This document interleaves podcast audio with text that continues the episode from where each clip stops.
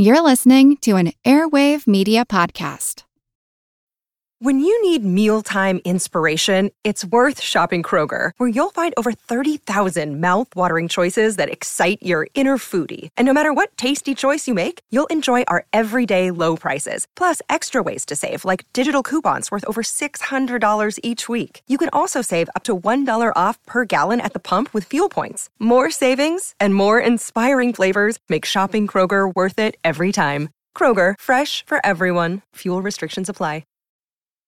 This episode is brought to you by Snapple. Want to know another Snapple fact? The first hot air balloon passengers were a sheep, a duck, and a rooster. Ridiculous. Check out snapple.com to find ridiculously flavored Snapple near you.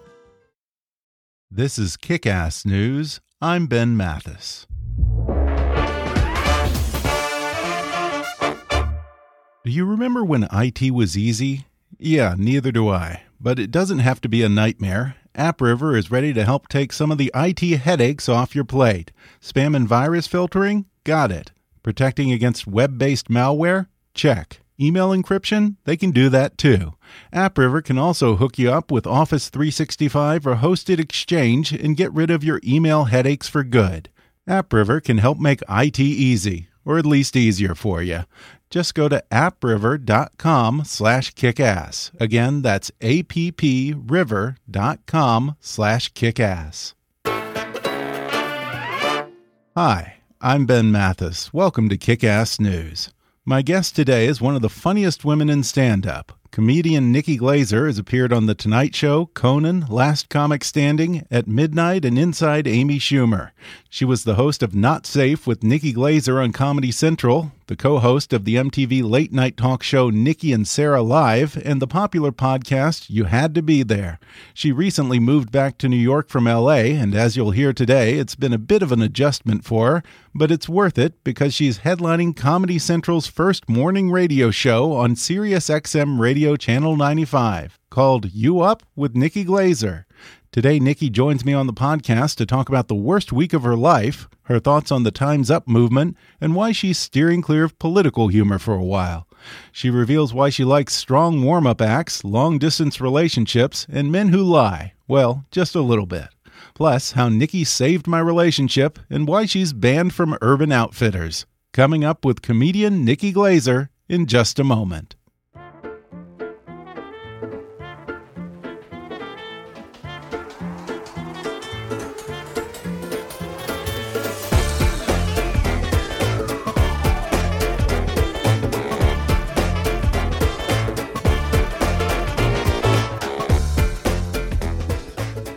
Talking with Nikki Glaser, who has a new radio show called You Up with Nikki Glaser, weekdays from 10 a.m. to noon on Sirius XM Channel 95 Comedy Central Radio starting February 26th. Nikki, thanks for joining me. Thank you for having me. Well, I got to be honest, I feel like I owe you one. Uh, I have to give you partial credit for something. Uh, I guess about a year and a half ago, when I first met my now fiance, I sort of fudged my age a little bit when we first met. And after the first date, I decided I really like this girl and I should probably come clean sooner than later. So on our second date, I fessed up over dinner to having subtracted a few years from my age. And needless to say, the vibe was not very good. But after that, we went to see you perform at I think it was like a charity event at a movie theater in Pasadena. Oh wow, I know totally exactly killed what that night. that was. Do you that was your that? first date. Our second date. your second date, But okay. it was not going well. Oh my god, that But- was like the night that I like screamed at people about Trump. I think a lot. yeah. It was right before the election. that would have been right before the election, yeah. Yeah. But you totally killed. You lightened the mood. You helped me reset, and you know I was able to get on to a third date and so on. It's now been a year and a half, and we're now engaged as of I guess probably two or three weeks ago. So thank you for that. Oh my you, gosh! you are a catfish's congratulations. best That's friend. so exciting. Yeah, and I hope I did my bit about how um, men who lie make the best husbands. I don't have a bit like that, but that would have been really perfect. Why did you well, lie like I about said- your age? What did like? Did you meet on an app Uh, that you just said- because she's like 13, 14 years younger than me. Okay, that makes sense. So did you were you on an app that you your age was lower I or did you just like actually tell her your age was what it was. Uh, no, no, I, I no, I was on an app. Okay. so so there was thought that went into this. That's so funny. So um so, but she got over it clearly. She's not holding on to that. Pretty quickly. I mean, between you and I sent some flowers the next day. Yeah, I was able to recover and make it onto a third day. Did you Yeah, so send you. uh, a dozen roses, but really it was 15? I, I don't even know, but I know there were a lot. Okay, good, good, good. That's so funny. Yeah, I um I never thought about how I would feel if a guy lied about his age. really? I, I guess it would show some vulnerability to me if he fessed up to it fairly soon, and I would be like, "Oh, it's cute that you like w- were trying to win me over, even if you lied."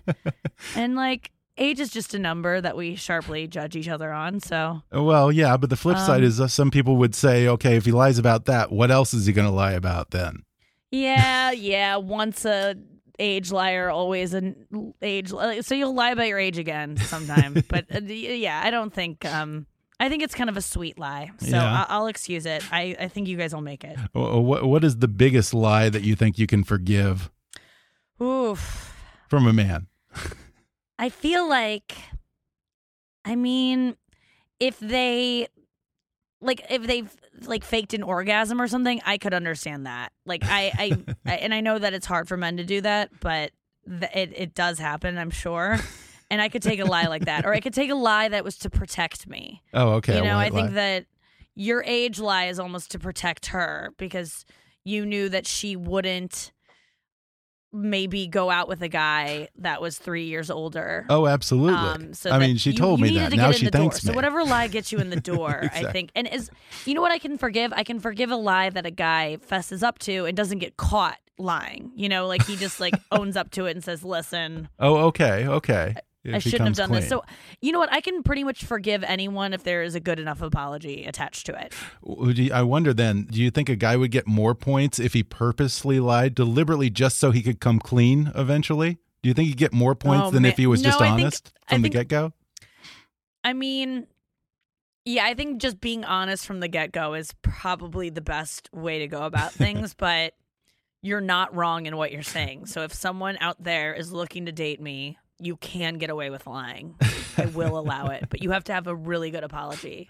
Uh, I'm sure there are plenty of them. And I know that you've been back on the dating scene recently. In fact, I think you are single as of what, maybe a year, year and a half ago? Uh, how's that experience Well, I've been been? single a lot in the past five years, but I've also been in a relationship a lot. Uh, we go back and forth. So right now, currently, I am single as of like September, and then um, we're kind of getting back together. The same person I've been dating for five years. We're getting back together. We're in like the we're in negotiations to get back together. It might not happen because we I, I moved away from LA where we used to live together. oh, long And, um, distance. I broke up with him. He took a job in Abu Dhabi.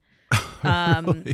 And now he's, and then I kind of took that as like, well, if you're moving, I'm moving. So I moved Yeah. to New York and now he's back from Abu Dhabi. And I'm like, let's get back together. And he's like, well, you don't live here anymore. And I'm like, you're the one that left first. So it's kind of like that. Oh, I mean, technically, you um, probably moved a little closer to him. So that's progress. Yeah, exactly. I was just trying to creep across the world slowly. And um, yeah, so he was only there temporarily. And I just, even when someone goes somewhere temporarily, you kind of take it as a slight. Like, is that you needed to go all the way? And so I left LA too. And now he feels abandoned. And now we're just kind of trying to figure out what's next. I really love breaking up and getting back together. Um, Yeah. I kind of proposed to him that we could do this the rest of my life. Like that would be our marriage plan is just to like have built-in rumspringas where we get a couple months or half a year where we're single and then we learn that everyone else sucks and then we come back together and we are so happy instead of just staying together forever, which sounds kind of scary to both of us. I think it's it's a good plan to just like to you know like like kids do for school. You have summer Yeah. breaks. You need a break, Yeah. and then you go to the next level in your relationship. Uh, you yeah, always there's come some, back stronger. there's something to be said for having a steam release valve, I guess. Yes. Uh, uh, you talk in your act about your experience on Match.com. Speaking of catfish, um, Yeah. what what was that like for you? Um, well, that was years and years ago. I um, figured. where you have to build a profile and write things about yourself. Now these apps where you just it's just a picture is much easier for me because the problem is when people write anything about themselves, it just doesn't come out good. So I Yeah. I've been giving advice to men uh on in on stage now based on my experience with these apps, which is like just don't write anything. Because if a girl isn't gonna have sex with you based on your pictures, there's nothing that you're gonna write about like, you know, you're not gonna share some quote you live by and then suddenly she's gonna be like, Oh wow, now I wanna have sex with them. Like there's Yeah. nothing you can write if a girl isn't attracted to you that is gonna win her over. There's just really nothing. And so many times guys cockblock themselves by saying stupid stuff. Like there's so often guys will write like my hobbies are whiskey and tacos. and it's like those aren't hobbies, those are nouns. hobbies are verbs. And um and we get it. You're white and you don't have an identity, so you have to like find one within stating that you enjoy foods that everyone enjoys like it's just not doesn't make you unique or interesting. But Yeah. so many guys really pat themselves on the back for enjoying whiskey and tacos. And um and so i just i get really ang- I- i always tell guys just don't write anything. And writing nothing is a real serial killer move too. But i've been out with more guys who it's just their face and how many miles they are from me than a guy who says he's a certified burrito hunter. You know, like guys always write the dumbest things, Yeah. and I'm just like, I would never. The the thing is, like sometimes you'll be swiping and you'll come across guys that you've slept with before, and you go, if I would have seen this first, I would have never slept with you.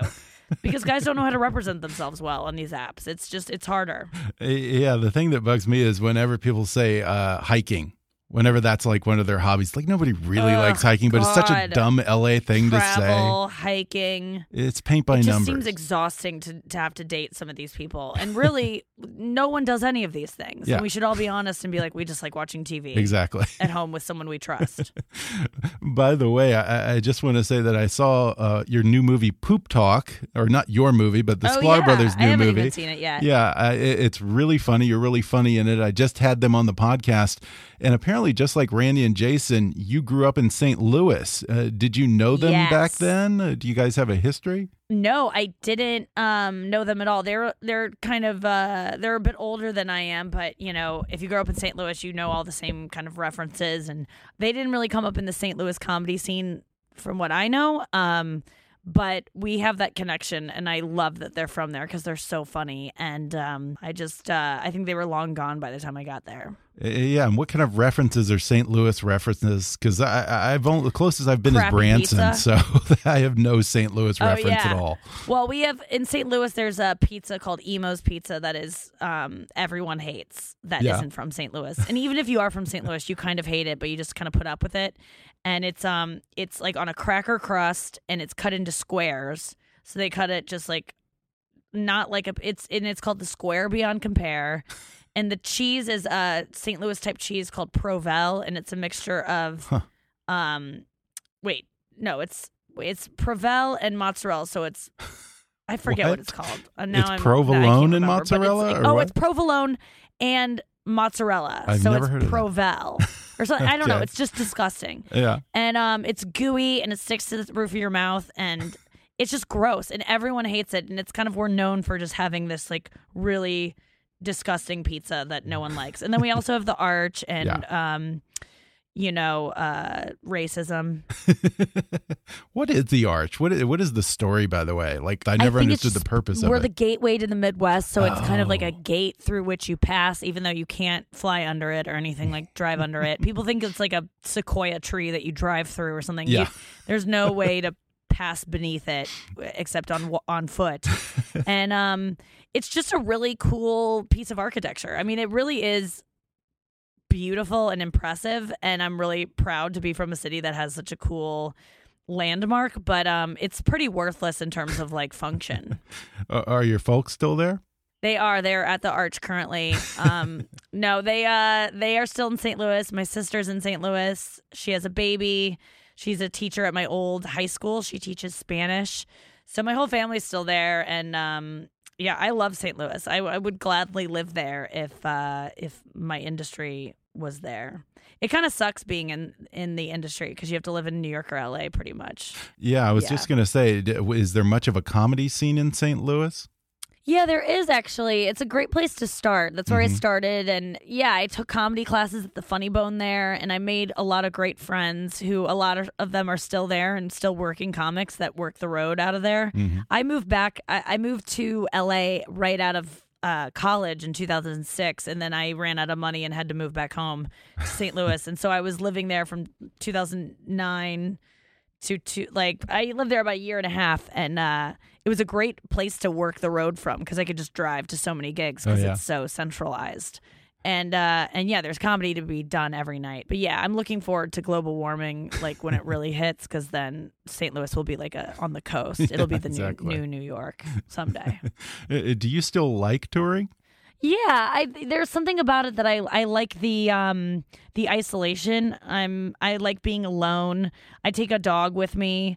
Um, I also take uh, that's my opener, Tom, who I'm talking about. No, uh, I take I take one. I have two dogs. I always take one dog with me to like keep me company, and then uh, I bring an opener with me on the road, Tom Thakkar, who is going to be my Right. um, sidekick on my talk show. So uh, he and I have been traveling on the road together for like five years, and he is really funny. And you know, usually you go to these clubs and they just throw whoever, whatever local talent they have, and you sometimes you get really great comics, and then sometimes you get a lot of shit in front of you, Yeah. and then. And it makes for a bad show, and then they get the audience has to sit through half a show that just stinks, and then you get up and you do whatever. But it's so much easier to go up if they're already having a good time. A lot of comedians don't like to follow people who are hilarious because they find it intimidating. But I find it sets me up to have a better show because Really? the audience is already laughing, and it makes me want to try hard. So. I, I picked the funniest person I know to open for me so that I have to step my game up and um Huh. and now he's my co-host type person. Co-host is an ele- it's too elevated of a thing to call Tom. I, I I like sidekick. I'm gonna keep him as the little parrot on my shoulder. Yeah, and I got to give you credit then because you're right. A lot of comics don't want to follow someone funny. You know, I I find myself often when I go to see a big comic who's playing in theater. I have to sit through like this miserable half hour of some very mediocre comic. And I remember Yeah. the time I told you about when I saw you more recently. I remember there was another woman right before you who was hilarious. She did some kind of bizarre over the top act with a keyboard. And Yep, it was that's hilarious. Lizzie Cooperman. That's my best friend, actually. Oh, She's well, another really? one of my best friends. She'll love that you remembered her. Yeah, Oh, she's totally. incredible. yeah, my my now fiance and I looked at it. We, we were just like, "What was that?" And it, it, it took about a minute for us to kind of get into it and get what she was going for there. But once we were on board, we were on board one hundred percent. and that's the way everyone is with Lizzie Cooperman. It is such a shock to your system, and then you go, "Oh my god, what did I just witness?" Yeah. Like she's she was just on Crashing recently, the HBO show. Oh, yeah. She's incredible, and um, yeah, we are we're developing a, a scripted show together actually. Um, right now and um, so you'll be seeing a lot more from her but yeah a lot of comedians are just they're terrified that we have such egos that we just want to be the best and what people don't understand and i learned just from working at the comedy cellar is like you want to follow people who you want to follow Chris Rock. People mm-hmm. go, "Oh my god, I can't follow Dave Chappelle. I can't follow Chris Rock." It's like, "No, the audience is so excited and no one's going to hold you to that level." No. If if you make them laugh at all, they're already in the best mood and you can just kind of ride that energy.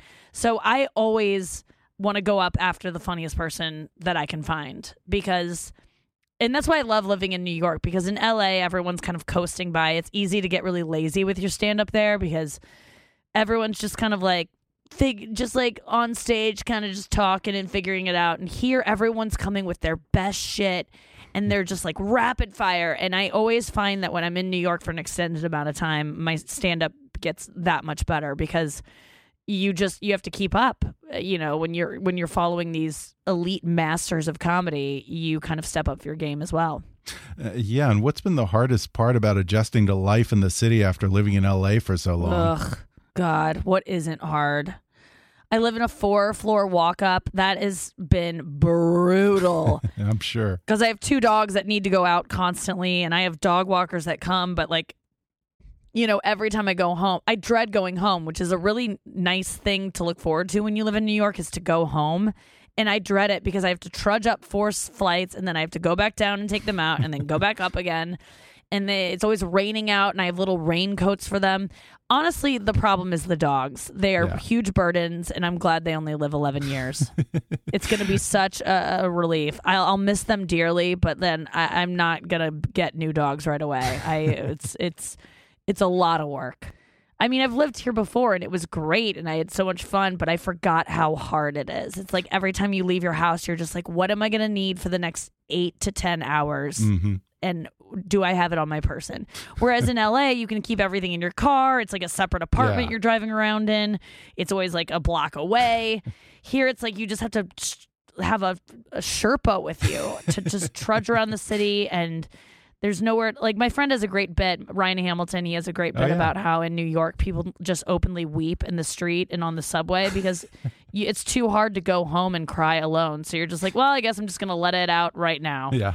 there's no privacy here yeah, everything seems like a hassle there to me, and that's why I've never. My brother lives there, but I've never had a desire to actually live in New York. You know, just to go to the pharmacy is an ordeal. I think your instincts are right. I think that people it is a sense of pride to live here because it is difficult, but it's like it's like doing a marathon. It's like, okay, Yeah. it's cool that you did it, but also, you know, you lost all your toenails and that seems not fun. And like your body is ravaged from it. Like everyone here just looks tired. Yeah, That's another reason I moved here. I just was tired of everyone being so beautiful, so I moved Yeah. somewhere where people are a little bit uglier just to make myself feel better. But turns out everyone here's like hot too, so it's it's just a bummer. and this is Comedy Central's first morning radio show, I think, from what I've heard. Yeah. I guess rather than doing a 7 a.m. show from LA, you decided to move to New York so you can do a 10 a.m. show. or are you not a morning person? That is exactly what I did. I um I realized because I was gonna do the show in LA and I was, you know, getting ready to start it and and figure out my life like that and where I was gonna do it from and then um and then I visited New York because my friend was in a play here in December and I was just here for a weekend and I had a great time and I was like, man, I wish I could move back here and then I was kind of like, wait a second. Not only could I, could I move back there, but I could be on the same floor as my favorite show ever, Stern, and I could wake up three hours later. And um, so I really moved to New York to sleep in. and that's if there. There's no better reason to move anywhere. Yeah. Uh, Have, have you run into Howard Stern yet? Not yet. I saw him once walking his dog um, years and years ago when I lived here, and that was the only time I crossed paths. But I often do the um, morning or their wrap up show.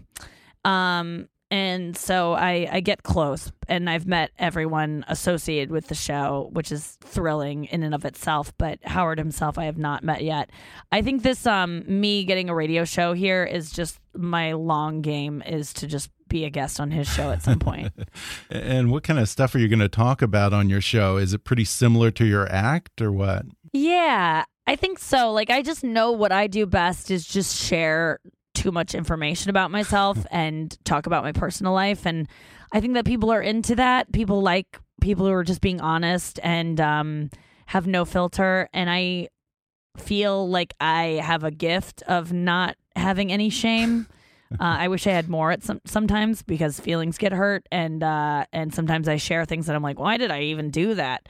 But I think that that is uh, that's going to be most of the show is just me talking about my personal life and my opinions about things. But we, uh, me and my co-host Tom, we both love pop culture a lot, so we'll talk about what's going on in music and TV and. Um, but also, you know, my favorite subject is sex and dating. So there's going to be a lot of that. A lot, a lot, a lot. We're going to take a quick break, and then I'll be back with more with Nikki Glaser when we come back in just a minute.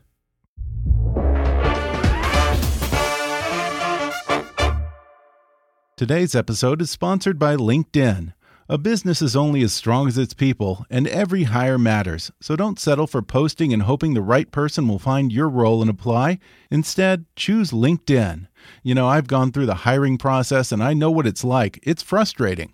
You can waste a lot of time and you end up picking from a very small pool of candidates who might meet your needs, or worse, a huge pool of unqualified candidates. But LinkedIn is more than the world's largest professional network, it's also a better way to find great talent. Think about it. How often do you check job boards? For most people, it's a pretty occasional thing. But there is a place where people go daily to grow professionally LinkedIn. 70% of the U.S. workforce is already on LinkedIn, and 22 million professionals view and apply to jobs on LinkedIn every week in every industry. Just ask the hundreds of thousands of businesses who've posted to LinkedIn jobs over the past year. They rate LinkedIn jobs 40% higher than job boards at delivering quality candidates because LinkedIn considers skills, experiences, location, and more to match and promote your job to potential candidates. If you're not using LinkedIn for your hiring needs, you're missing out. Go to linkedin.com slash kickass and get a $50 credit toward your first job post. That's linkedin.com slash kickass for your $50 credit today. Terms and conditions apply. For over 30 years, men have trusted Just for Men to provide easy gray hair solutions. Now they can trust Just for Men to provide a hair regrowth solution as well. Formulated with the number one dermatologist recommended ingredient proven to regrow hair, 5% minoxidil, hair regrowth from Just for Men is an easy to use topical solution that's clinically proven to help regrow hair. It works by reactivating hair follicles to stimulate regrowth, perfect for men with thinning hair. Plus, with a unique precision spray applicator, this is hair regrowth made easy. Simply spray on, sit back, and move on. Because when you look as good as you feel on the inside, every date night, every meeting, every guy's night out becomes something to look forward to. Start winning over thinning. Look for one or three month supplies of hair regrowth in the shave aisle or visit jfmgrowhair.com and use the promo code regrowth25 to get 25% off your purchase. That's JFM Grow Hair and use promo code regrowth25 for 25% off. We're also sponsored by Google Cloud Platform. What can your data tell you? With Google Cloud Platform, use machine learning at scale to build better products. Google Cloud's AI provides modern machine learning services with pre trained models and a service to generate your own tailored models. Their platform is now available as a cloud service to bring unmatched scale and speed to your business applications. It predicts so your business can thrive. Click now to learn more about Google Cloud Platform or go to g.co slash getcloudai. Again, that's g.co slash getcloudai. And now, back to the podcast and you've done podcasts before and you had a weekly show on Comedy Central, but radio, uh, that's such a different animal to have to go into a studio four days a week and fill a whole two hours with material. Does that feel like a lot of pressure? Well, not until you said it like that. Sorry. Uh, no, it uh, it feels to me like heaven Mhm. because so much of what I have done in my life is just you have a set this night, you don't have one the next night, then you have a set at another place. It's always it's all over the place and it's unpredictable. And I'm in a new town every week, and this is just my first. I, that's what I loved about having TV shows is that I got to show up for work in the same place every day, and there's something nice about that as a comedian who's never had that. So I'm looking forward to doing something every day and doing a show eight hours a week. Um, I'm gonna get good really quickly. You know, you get those ten thousand hours in, Yeah. um, and it's uh, radio is something that I've always wanted to do, and um, and I think it's like a great, like, I think it's a great medium to settle into as a aging woman, um, because you know. I I don't have to be in hair and makeup constantly. I don't have to worry about my looks, Right. and um, yeah, I've I've always dreamed of being on radio, and it's it, I've I've had a lot of practice, you know, promoting shows on the road and then doing podcasts, but it seems to be all happening at the at the right time for me. Yeah, it's an interesting new twist to your career. I mean, last year was a bit of a roller coaster for you because apparently within the same Yeah. week, your show Not Safe got canceled by Comedy Central. you ended a long term relationship and Donald Trump got elected. Yes. Which of those was worse for you? I mean, the Trump was the worst thing for sure, but um and I went on Chelsea Handler's show. that I was booked to do her Netflix talk show the day after the election, and um, we all thought it was going to be this like huge fun celebration, and um, and I got there and it was like the most depressing atmosphere ever. Everyone's crying, and I, as a joke, wore a um a funeral outfit. like I wore like a veil over my I wore a hat with Yeah. one of those like netted veils. Did you just have that in your black. closet, or how, how And did I- you come up with that? What? Did you just have that in your closet? I, you know what? I just had the idea, and then I, I have friends who are stylists, and I was like, "Is there any way you can track down a hat like this?" And they found one, and I wore it. And the funny thing is, is Chelsea didn't even acknowledge it. So I just looked like an idiot that dressed like in a hat, and she was supposed to be like, "Well, Nikki, what are you wearing?" You know, and I just sat there and looked like uh, that's how I dress for talk shows. And I recently talked to my friend Bobby Kelly, comedian, and I was telling him that story, and he goes, "I remember seeing that and being like, why is she wearing that? Does she is she a hat person now?" so people just thought I was just an idiot who dressed like in a weird netted Yeah. hat, like I was uh, part of the royal family. but I was really doing a joke, but Chelsea didn't acknowledge it, so I just sat there. the election turned you Um, into a hipster. So that was probably the worst part of my week was taking a, a, a fashion chance and being completely embarrassed. And then Trump, and then my breakup, and then my show being Yeah. canceled. Because the thing about my show being canceled was I kind of knew it was canceled before they announced it, and then they announced it, and um, and so that was it was weird to like have everyone find out when I had known for a Yeah. while. And have all these texts come in like I'm so sorry, and I'm like, no, I'm already moving on. I'm already sleeping with a new show. When I talk to comics over the past years, so many of them seem to be getting way more political with their humor than they ever were before November 2016. I don't see you doing that though. You seem to still be fairly true to your own style. Have you felt a lot of pressure to get more political? No, I think if anything, there's a pressure to not be political Mm-hmm. now because people just want to break from it, and you just hear so much of like, "Oh, thank you for not talking about him." Um, for me, I choose not to because I don't want to.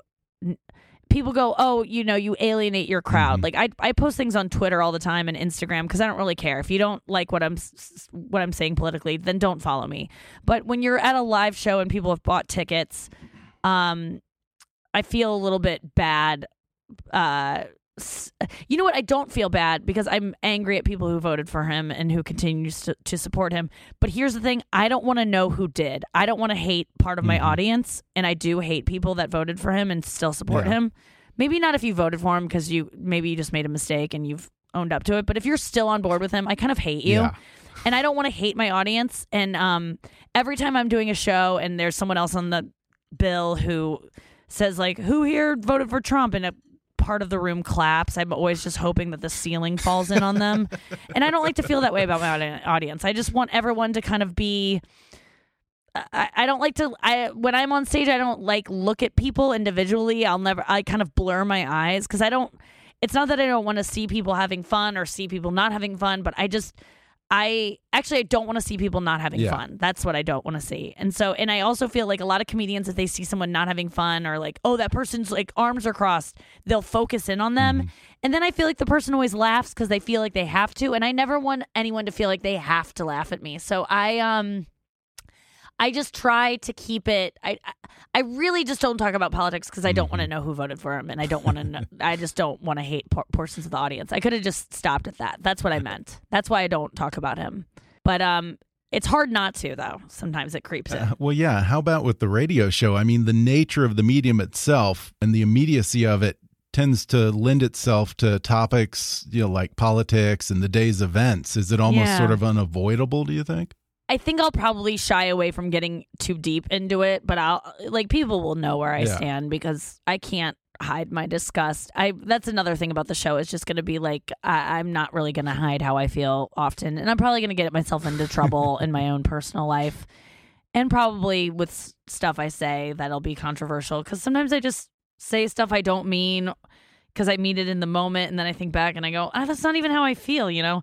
Um, but I think that's what's going to be exciting about my show is that um, I'm pretty unfiltered and uh, and I say stupid stuff sometimes. But I'll admit when I'm wrong. I will always apologize if I lie about my age. Okay. To call it Fair back to that. Oh, well, as a female comic, are you being asked to weigh in on the Me Too Times Up movement a lot right now? Um, yeah, I think uh, that's always been as a female comic. I've always been asked to weigh in on fe- women in comedy or, or women funny, and um, this is an exciting time for women, and and especially now. And I have a lot to say about that. So I think that more than anything, my act um, on stage has addressed that whole um, issue because it's so funny because now it's everyone's aware of it, but women have been aware of it forever, and it's just like the way life is for us is. Uh, so it's just it's nice to kind of finally have the floodgates open and have everyone be able to kind of understand. And everyone's on the same page now. So you can kind of go there without audible gasps because everyone's already so desensitized to the horrors that men have been inflicting on us uh, subtly and then not so subtly forever. Um, so I, I kind of like now that the the stage is set for me to just jump right into it. I mean i open my set now with like a story about you know my own personal me too story that I've kind of turned into a joke but is also kind of my way of coming out about what's happened to me. So it's it's nice. I I find that I found the movement has been really beneficial as a as a female stand up um in terms of just me being able to feel freer to say what I want and um and be mm-hmm. unapologetic about it. Yeah, I've been wondering when that was going to start to become fair game for comedy. Ha have you had a lot of people who've said it's too soon? No, if I, and I've been watching a lot of other women recently, and I feel like we're all talking about it. I think we all thought think we're the only ones that are brave enough to go into it, but everyone's making light of it or making whatever they want out of it because that's how we process our anger and our fear and our sadness is through comedy. So it's natural that all of this, all these stories, especially about comedians, would bring out so much in in us. Like I I saw Christina Pazsitzky and Whitney Cummings last week, and they both name checked co- male comics really? that have you know also been outed by. Uh, you know, such prestigious outlets as Babe.net. um, but you know what Like I'm saying? Like it was, it was just interesting to me that female comics are up there talking about our colleagues because they're in the news. Yeah. it's like it's so weird. Usually comics don't talk about other comics on stage. Yeah. Um, but now w- we're allowed to, and we're allowed to be angry about it. Because as a female comic, I think especially women everywhere are just, just, you know, when a guy hits on them or sexually harasses them, it's we're supposed to kind of brush it off like, oh, he's just joking, or like that's just the way men are. But as a female comic, especially, we are so paranoid about being accepted and feeling like we're cool and we're in on the joke. And we have a sense of humor too because you know so many people are like women aren't funny. So we're constantly on the defense. Like yeah that's fine. I thought it was funny. It's totally funny. Yeah. And so guys will say disgusting things. And then if we have kind of a repulsive a repulsion to what they say they can easily make us feel less than by being like you don't get the joke. Yeah. and of course you don't because you're a female comic and you're not a male comic. You can't hang with the men. And so i think that there's an anger in a lot of female comics. It's like yeah bud i do get the joke. It's just there there is no joke mm-hmm. You're making an excuse that your little um, you hit on me. It didn't go well so now you're joking about it. I mean i had some guy, comic say something disgusting to me via text Really? recently. And he goes and i go whoa that was intense. And he goes well that's the way you talk on stage and got really defensive. And i found myself going oh you're right. I'm sorry. And i and i was like why are you apologizing? It's just uh, we're it's so ingrained in us to just want to be one of the guys. And um i'm fucking sick of it i mean not so sick of it because last week i i just apologized but even talking about it now i'm just like i'm just tired of um trying to trying to just make men feel comfortable um when they say awful things yeah. Yeah. I mean, given that t- time's up but like like i just said i did it last week so not real it's not really up but it, it's it, we're, it's getting close time's time's a ticking should be the new thing well, yeah. I mean, given your act, that's my new statement time's a ticking well, given your act, I mean, That you're not exactly. G-rated. Um, do you find that sometimes people misinterpret that, or you get comics or guys who come up to you and take Yeah. liberties because they assume based on your act that it's okay?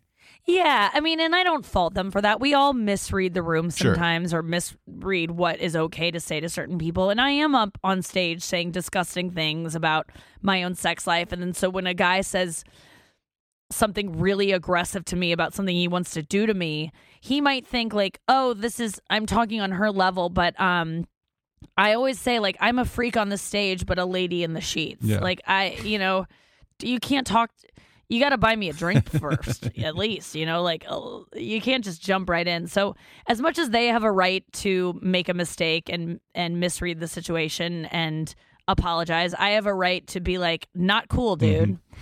And um and we can sure. both be friends after it, but you know, we're all kind of trying to figure yeah. out this new terrain and it's going to take a while before we we do and guys are going to feel like I can't say anything. It's like, well, maybe you can. Just don't say anything for a while. See how that feels. Well, that might be just a good idea in general for guys. yeah, Whitney Cummings I saw last week had a great bit about how guys are like, God, uh, so now I can't even be like, that's a nice dress. And she's like, no, because half the time you say that, we're not even wearing a dress. Like, you don't even know what a dress is. Since when am I like excited to hear what a guy has to say about my dress? It was so funny. She's like, when a guy compliments your dress, it's just because it it's see through. Yeah. it's so true. I have a dress that has like holes in it. And whenever I wear it, every single guy is like, "That's a really cool dress," and I go, "Oh, is it really cool? you think it's a cool design, or can you just see my bra?" It's just so funny. I uh, I really like what what like I, I think this is um, it's it I, I, hate the phrase like it's a good time for women, but it feels like it, it yeah. is. And by the way, I just have to give you credit for a real baller move because I, I heard that after your show got canceled on Comedy Central, Not Safe got canceled, it sounds like you sort of came back to them and bullied them into giving a radio show. is that right? I kind of did. I don't know if they're excited about me saying that, but it's just kind of, I kind of say it because I just think other women need to hear how sometimes and other just people need to hear how you know, I feel like so much of my career has been me feeling like Oh, yeah, can I please do that? Do you mind if I do this? Oh, thank you so much for giving me that. Oh, I don't deserve that. I've tricked mm-hmm. you somehow into giving me this, and I'm not talented, and I'm, you know, it's just because I'm I'm young or it's just because I'm you want me around because I'm a pretty girl or whatever it is. I always make excuses and it's like I'm at a point in my career where I've been doing this 13 years. I'm fucking mm-hmm. talented. Mm-hmm. And so when I heard they they were looking for a radio show, I go I just I called um I called one of the guys that was in charge and I said, "Yeah, I'll do it." And he laughed like uh, okay um yeah they're they're thinking about a couple different people and i was like no no you want me and you're gonna you're you're you i think my quote was they would be stupid to not want me for this and they would be because i'm gonna kill it yeah. and i'm meant to be doing this so sometimes you just have to have this like uh, you know i just discovered confidence and it took me until i was 33 and it's such a shame because i've been great all along and right now I'm, thank god i'm like you know I've been doing comedy long enough that if I wasn't good, something mm-hmm. would be terribly wrong. Like you do something long enough, you're just going to be good at it. And um I've always had a natural knack for it, but I've also now had the experience. So I'm un in there there's uh I can't even think of the word. It's I'm undeniably good now because I've just put in the the work, you know? Like I've just practiced enough. And um and so you're welcome. I mean, it's funny to me to hear you say that you just discovered confidence because so much of your act is based on pushing audiences' buttons and making them uncomfortable. I mean, where does that come from?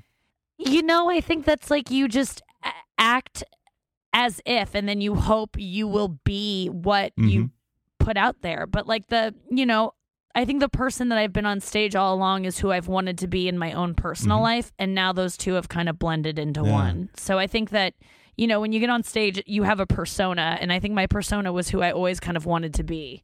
And now those two are the are the same person. It seems to be working for you. Uh, before we go, I'll just end then by asking, what was the most uncomfortable situation that you've ever been in?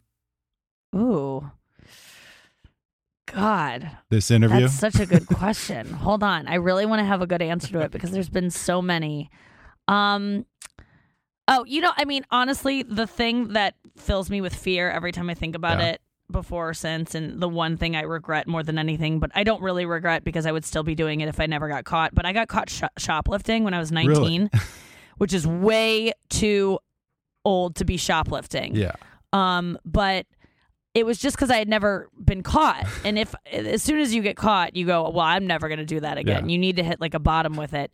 And so I was shoplifting at Urban Outfitters when I was in yeah. college, when I was 19, and the the sensor went off, and the woman came over and was like, I'm sorry. Can I look in your bag? I know you didn't. Like she So had that kind of apologetic. way of going about it. Like you know when you walk out of a store and the buzzer goes Yeah. off, they always go, "Keep going. It's nothing." well, I the color drained out of my face and I froze, so I looked guilty. And she goes, "Can I look in your bag?" And I handed her my bag, and she goes, "That's what I thought." She looked inside it and was like, "That's what I thought." And then she uh, took me to her office and screamed at me. And um, and I but having to walk through the store with everyone knowing that I just stole was like the worst I've ever felt in my life. So Huh. don't shoplift, kids, because you will get caught eventually. It's like drunk driving; it, you can't get away with it forever. But she didn't call the cops on you? She didn't. She had had a long day. She's like, I am so sick of this shit.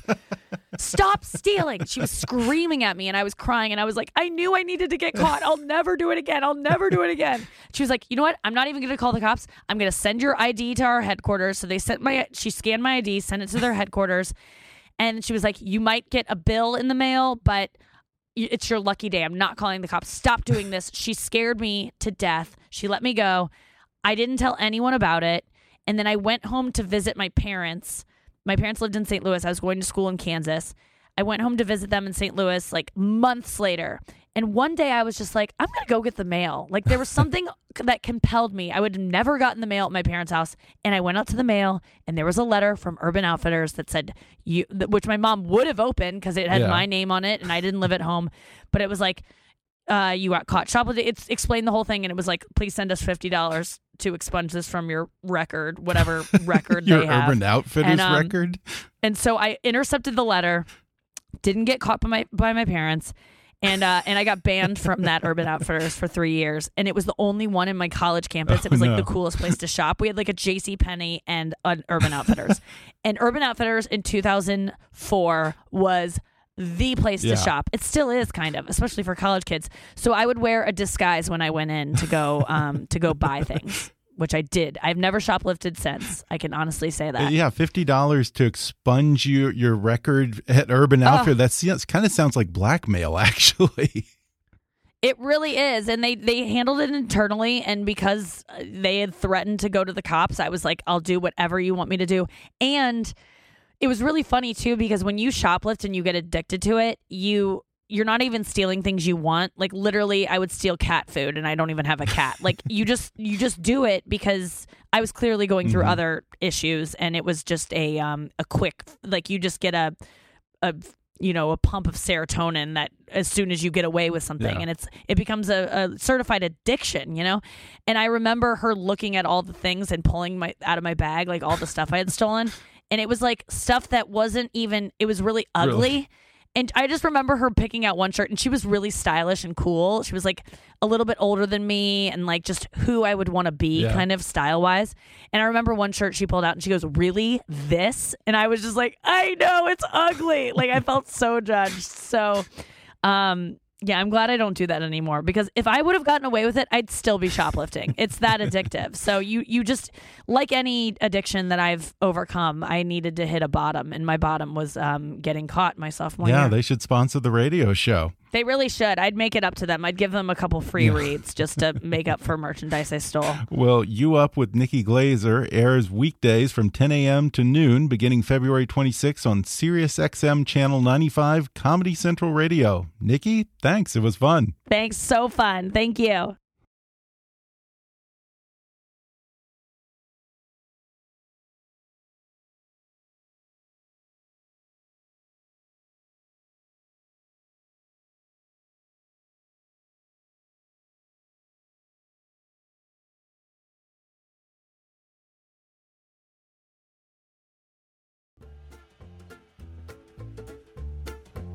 Thanks again to Nikki Glaser for coming on the podcast. Her radio show, You Up with Nikki Glaser, airs Monday through Thursday, 10 a.m. to noon Eastern and 7 to 9 a.m. Pacific on SiriusXM's Comedy Central Radio, Channel 95. To see Nikki perform live, check out her upcoming tour dates at nikkiglaser.com and follow her on Twitter at, at Nikki Glaser. Today's episode was sponsored by Hair Regrowth from Just for Men. Hair Regrowth from Just for Men is an easy to use topical solution that's clinically proven to help regrow hair. Formulated with the number one dermatologist recommended ingredient proven to regrow hair, 5% minoxidil, it works by reactivating hair follicles to stimulate regrowth. Perfect for men with thinning hair. Plus, with a unique precision spray applicator, this is hair regrowth made easy. Simply spray in, sit back, move on. Start winning over thinning. Look for one or three month supplies of hair regrowth in the shave aisle or visit jfmgrowhair.com and use the promo code REGROWTH25 to get 25% off your purchase. That's JFM Grow Hair and use promo code REGROWTH25 for 25% off. If you haven't already, be sure to subscribe to Kickass News on iTunes and leave us a review. You can follow us on Facebook or on Twitter at, at KickassNewsPod.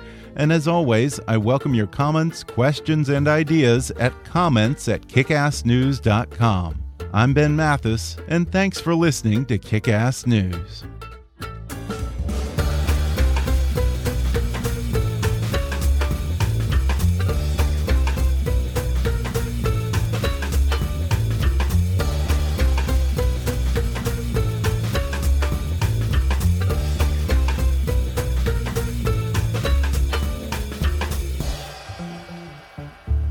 Kickass News is a trademark of Mathis Entertainment, Inc.